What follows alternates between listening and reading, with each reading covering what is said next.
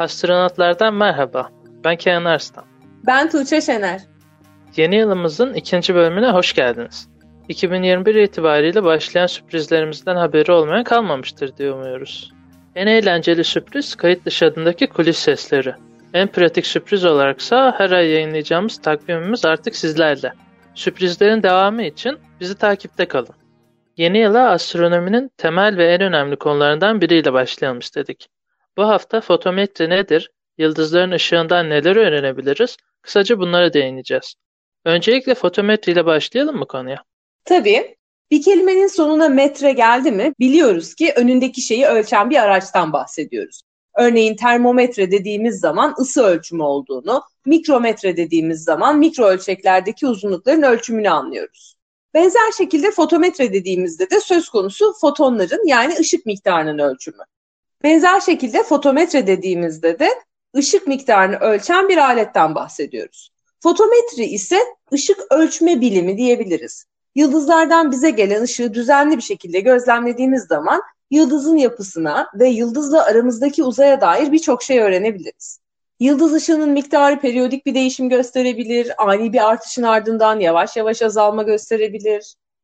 Peki yıldız ışığının miktarı dediğimiz yıldızın parlaklığı mı? Bir bakıma parlaklığı diyebiliriz. Astronomide parlaklık dediğimiz zaman bir görünür parlaklık, bir de mutlak parlaklık var. Yıldızın görünür parlaklığı dünyadan baktığımızda gördüğümüz parlaklığa karşılık geliyor.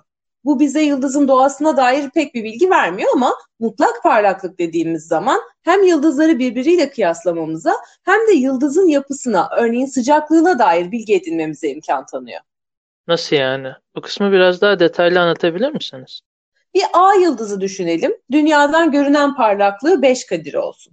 Bir de B yıldızı düşünelim. A'dan daha parlak görünsün. Diyelim ki 3 kadir olsun. Şimdi biz bu iki yıldızın görünen parlaklıklarına bakarak hangisinin diğerinden daha sıcak veya daha büyük olduğunu söyleyemeyiz. Çünkü yıldızın görünür parlaklığındaki en önemli etken yıldızın bize olan uzaklığı. Yıldızları birbiriyle kıyaslayabilmemiz için her ikisini de aynı uzaklığa koymamız lazım. Bunu şöyle de düşünebilirsin. Yakınındaki bir bisikletin farıyla uzaktaki bir kamyon farının aynı parlaklıkta görünmesi mümkün olabilir.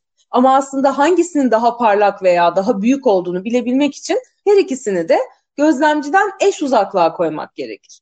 Bunu yıldızlara uyarladığımız zaman bir yıldızın 10 parsek uzaklıktaki parlaklığına onun mutlak parlaklığı adını veriyoruz. Mutlak parlaklıklarını bildiğimiz yıldızları birbiriyle kıyaslamamız mümkün. Bu durumda mutlak parlaklığı 2 kadir olan A yıldızıyla mutlak parlaklığı 3 kadir olan B yıldızını kıyaslamak bize ne söyler? Temel olarak bu kıyas bize A yıldızının daha parlak veya daha büyük olduğunu söyler. Yıldıza dair başka şeyler de biliyorsak, örneğin bizden uzaklığı gibi, o zaman daha büyük mü yoksa daha parlak mı olduğunu ve hatta sıcaklığını da söyleyebiliriz. Yıldızın parlaklığını etkileyen temel şeyin sıcaklık ve büyüklüğü gibi fiziksel parametrelerden sonra uzaklık olduğunu söyledik. Peki yıldızlar arası ortamın hiç etkisi yok mu bu yıldızın parlaklığına? Var tabii. Gözlediğimiz yıldızla aramızda bulutsu dediğimiz yoğun gaz ve toz bulutları olduğu durumda örneğin yıldızdan gelen ışığın bir kısmı bu bulutsu tarafından engellenir. Yani bu bulut yıldız ışığının bir kısmını absorbe ederken bir kısmını yansıtır. Bir miktar ışık da bulutsudaki parçacıklarla çarpışmadan geçmeyi başarabilir. Bulutsunun yansıttığı ışığın hepsi bizden öteye yönlenmez. Kimileri yine bize doğru yönlenir ama enerjilerinde bir değişiklik olur ve bu da bize yıldızlar arası ortama ilişkin bilgi sahibi olmamızı sağlar. Yıldızlar arası ortamın bu etkisine kızarma veya kızıllaşma da diyoruz. Çünkü bulutsudan geçerek bize gelen ışık elektromanyetik tayfın biraz daha kırmızı tarafında gözlemleniyor. Yıldızlar arası madde gibi yıldız sistemlerine ait olmayan nedenler haricinde ışık miktarının zamanla değişimine ne neden olabilir? Söz konusu tek bir yıldızsa yıldızın zonklaması yani pulsasyon yapması yıldızdan aldığımız ışığın düzenli bir değişim göstermesine neden olabilir. Bu tür yıldızlara adı üstünde zonklayan yıldızlar diyoruz. Yıldız her yönde eş bir genişlemenin ardından büzülme gösterebilir ya da yerde seken bir top gibi bir yanı büzülürken diğer genişliyor olabilir. Zonklama modu adı verdiğimiz bir parametre sayesinde yıldızın nasıl bir pulsasyon yaptığını bulabiliriz. Peki ya tek yıldız değilse gökyüzünde gördüğümüz yıldızların büyük kısmının en azından ikili sistem üyesi olduğunu biliyoruz. Evet, gökyüzündeki yıldızların %80'inden fazlası çoklu sistem üyesi. Her ne kadar çıplak gözle ve hatta teleskopla baktığımızda bunları tek görüyor olsak da. Bu durumda kolaylık olması için bir çift sistem ele alalım. Diyelim ki elimizde X ve Y yıldızlarından oluşan bir çift sistem var. X yıldızı 3 birim parlaklıkta ufak bir yıldız, Y yıldızı da 5 birim parlaklıkta olsun. X ve Y birbirleri etrafında bir yörüngede dolanıyorlar ve bakış doğrultumuz boyunca kimi zaman yan yana gelirlerken kimi zaman da biri diğerinin arkasına geçiyor. Bu durumda X ve Y'yi yan yana gördüğümüz zaman gözümüze gelen ışık miktarı 3 ve 5'in toplamı 8 birim. Küçük ve sönük yıldız olan X, Y'nin arkasına geçtiğinde gözümüze gelen ışık miktarı sadece 5 birim oluyor. Bu yıldızların birbiri etrafında dönme dönemi neyse yıldızdan aldığımız ışık değişimi de haliyle aynı döneme sahip olmalı. Biz bu yıldızları çıplak gözle veya teleskopla ayrı ayrı göremesek de ki zaten çoğu zaman göremeyiz. Bu çift sistemden aldığımız ışık miktarının değişimine bakarak bu yıldızların birbiri etrafında dolanma dönemini bulabiliriz. Yıldız ışığından elde edebileceğimiz en basit bilgi bu. Tabii daha detaylı analizler yapıldığında sistemin yörüngesine dair başka birçok bilgiye de erişebiliriz. Peki çift sistem dediğimizde illaki iki bileşende yıldız mı olmak zorunda? Başka bir şey olamaz mı? Olabilir tabii. Örneğin bir gezegen olabilir. Güneş sistemi dışındaki gezegenlere öte gezegen adı veriyoruz. Ve bir yıldızın etrafında dolanan bir gezegen de yıldız ışığında azalmaya neden olabilir. Düzenli gözlemlerle bu azalmanın dönemini bulduğumuzda gezegenin yıldız etrafında dolanma dönemini de bulmuş oluruz.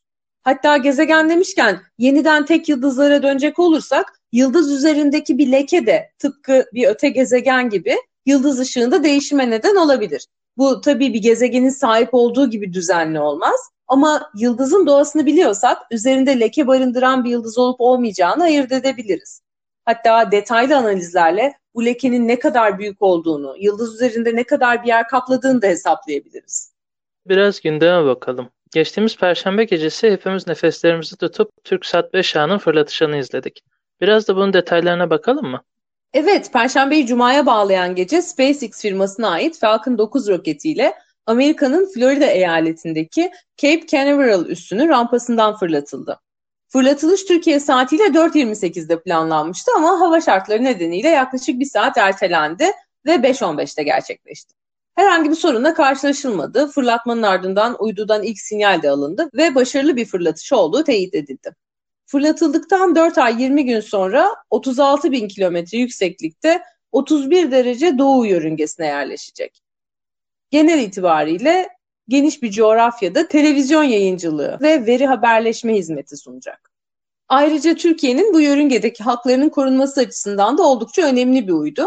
Çalışmalarına başlanan TürkSat 5B uydusunun da Haziran ayında uzaya fırlatılması bekleniyor. Yayınımızı bitirmeden önce bir de astronotların 2021 gelişmelerini yeniden hatırlatmak istiyorum. Bildiğiniz gibi 2021 itibariyle aylık takvimler yapmaya başladık.